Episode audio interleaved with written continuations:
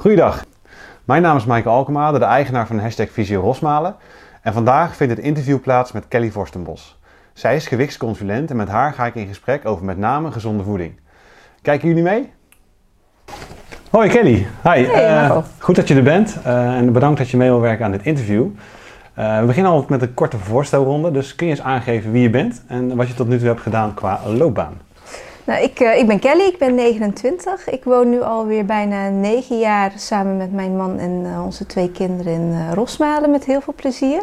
Ehm, ik ben begonnen eigenlijk met de informatie vanuit mijn opleiding heel erg toe te passen in het ontwikkelen van leesbare en duidelijke etiketten. En zo ben ik me meer in voedselveiligheid en kwaliteitsmanagement gaan verdiepen. Oké, de laatste paar jaar vooral bezig geweest met eh, kwaliteitsmanagement. Daar ook recentelijk mijn opleiding voor eh, afgerond. oké. En nu sinds een dik half jaar zit ik echt ehm, heel erg in het eh, kwaliteitsmanagement. En dat pas ik momenteel toe in facilitaire sector en de zorg. Oké. Even terug naar het etiketteren waar je het over gehad hebt. Want kun je daar iets meer over vertellen? Want wat, wat houdt dat precies in?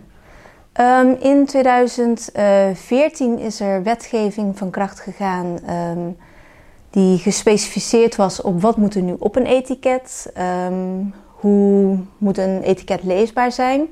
Voorheen was dat heel erg eh, versnipperd in verschillende verordeningen en ze hebben eigenlijk netjes alles samengepakt.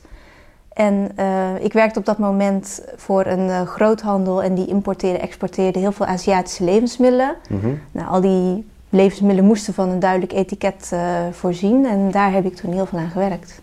En is dat ook eh, een reden geweest waarom je dus gewichtsconsulent bent? Eh, nee, nee. Ik, ehm, ik, ik ben Bourgondier. Ik hou heel erg van eten. Ja. En ben altijd eigenlijk bezig geweest met koken, gezellig eten. Ehm, dus ja, voeding heeft altijd wel een belangrijke rol in mijn leven gespeeld. Mhm. Maar toen ik eh 19 was, heb ik een maagvliesontsteking eh, gehad. Toen ben ik ook opgenomen in het ziekenhuis. Ja. En toen ben ik ook meer gaan kijken naar de technische kant van het eten. Van ja, wat is nu wel bevorderlijk, wat is niet zo bevorderlijk. Ehm, ja, en daar ben je eigenlijk normaal gesproken, als je zo'n 18, 19 bent, ben je er niet mee bezig. Je Nee. gewoon lekker aan het genieten. Ja, En voor mij was dat een beetje een omslagpunt toen. oké. En, en in de tijd, waar ben je dan precies achter gekomen? Als je, als je 19 bent, dan kun je nog zoveel eten als dat je wilt. En dat gaat, als je je twintiger jaren komt, zeker als je richting de 30 gaat, neemt dat toch wel, eh, toch wel af. Ja, Ehm, gelukkig wel altijd eh, van huis uit meegekregen je groente en je fruitje en dat soort zaken. Dus daar ben ik enorm dankbaar voor. ja, Ehm, maar ja, je wordt je wel meer bewust van de, de keuzes die Ja. je daarin gaat maken. ja, ik kan me voorstellen. En het is natuurlijk ook zo dat je op een gegeven moment een meer adviserende rol bent gaan aannemen, hè? Eh, ook naar mensen toe. Mhm. Ehm, eh, waar vragen mensen eh, nou naar qua advies? Ehm, ja, je ziet nog steeds wel heel veel de vraag terugkomen van hoe kan ik nou gezond gaan eten? Ja, Ja, dat is voor iedereen anders. Iedere situatie is heel erg uniek. Ehm, vaak spelen er ook nog andere zaken op de achtergrond. Mensen hebben vaak eh, andere gezondheidsproblematieken nog achter zitten. Mhm. Ehm, wat voor mij dan belangrijk is, is dat ze altijd eerst met een zorgprofessional gaan spreken over wat kan ik wel, wat kan ik niet, waar moet ik op letten. ja. Ehm, voor mij dan vooral de taak om dat advies in de praktijk te gaan brengen met ze en eh, ook behapbaar te maken. ja. En daarnaast komt natuurlijk de vraag heel vaak terug: hoe kan ik zo snel mogelijk in een korte tijd zoveel mogelijk gaan afvallen? Dat, dat blijft, blijft de hoofdvraag. Ja, ja. oké. En wat is jouw antwoord daarop als mensen dat, eh, dat aangeven? Ja, ik, ik kan daar heel slecht tegen. Ik word daar heel sarcastisch van. Dan zeg ik vaak: ja, of stop maar met eten, neem een lintworm of iets in die richting. Dat, dat, ja. Ja. Nee, dat is niet realistisch, eh, wil je eigenlijk gewoon eh, aangeven, hè? Eh, ja, het, het is zeker niet realistisch. Nee. En het kan wel, maar je behoudt het niet op die manier. Nee. Je kunt een, een crash dieet gaan volgen.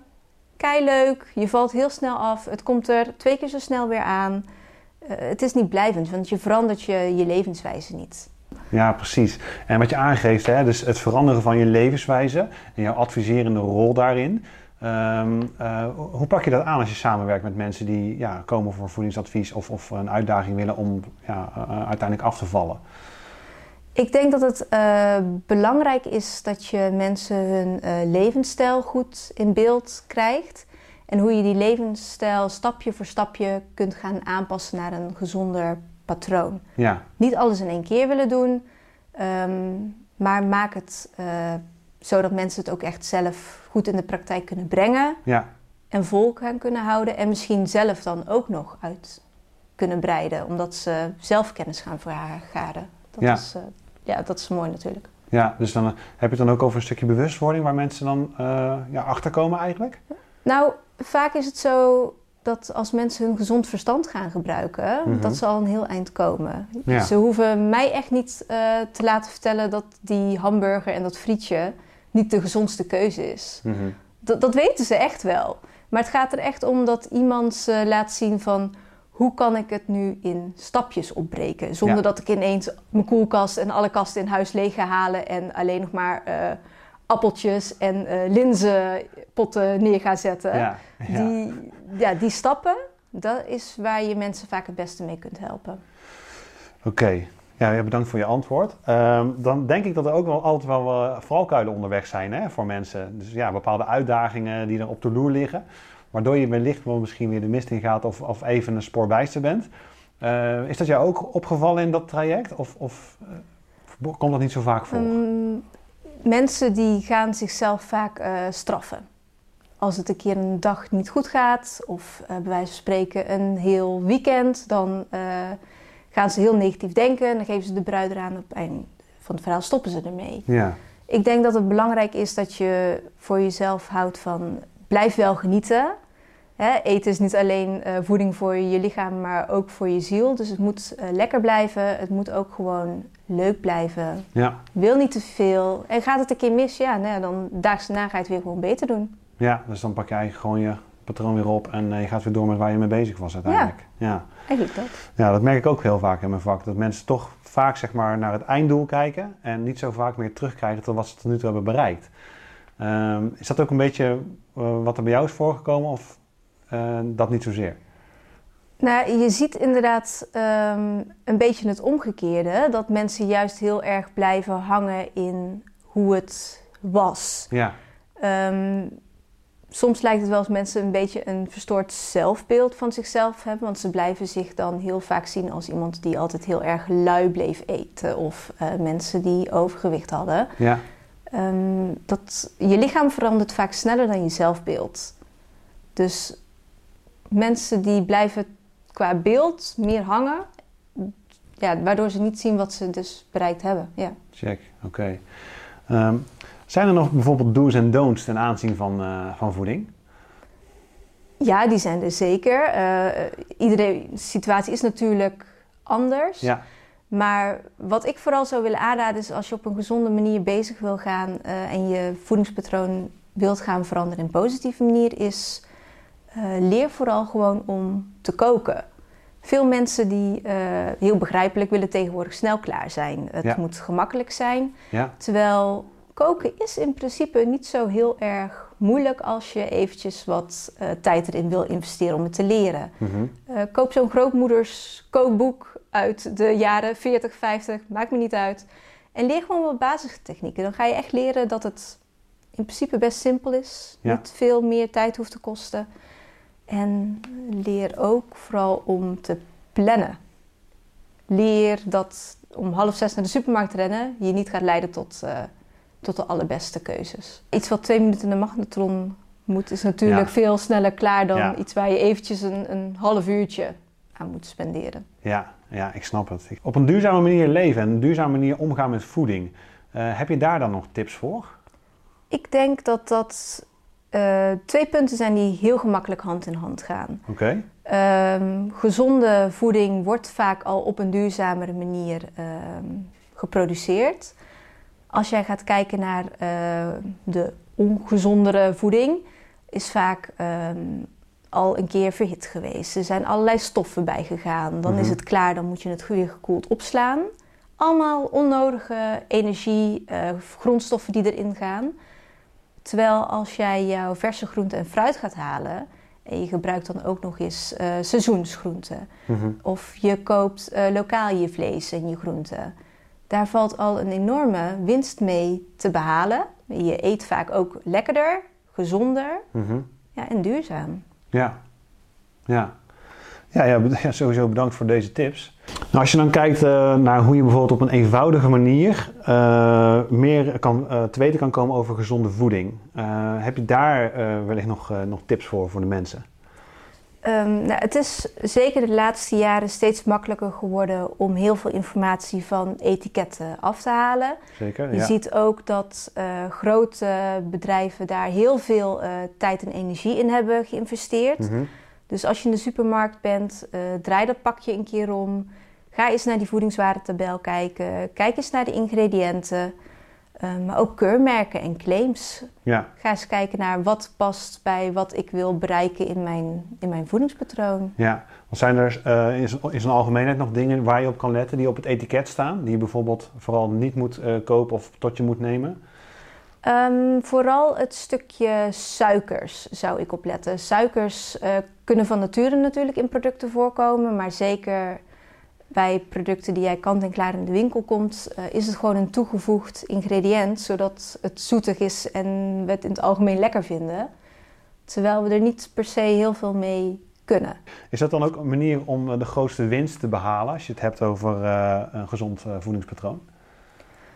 Ehm, ja, toegevoegde suikers en zout, als je die kunt skippen, dan ben je, of in ieder geval er bewuster mee kunt omgaan, dan Ja. ben je denk ik al wel een heel eind. Een heel eind. Want ja. vaak sluit je dan ook je kant-en-klare en je, je pakket maaltijdmixjes eh, uit. Ja, En dan ga je weer gewoon lekker zelf aan de slag met verse groenten en fruit en Ja. een beetje gezond verstand. ja precies. Oké, ja, helder.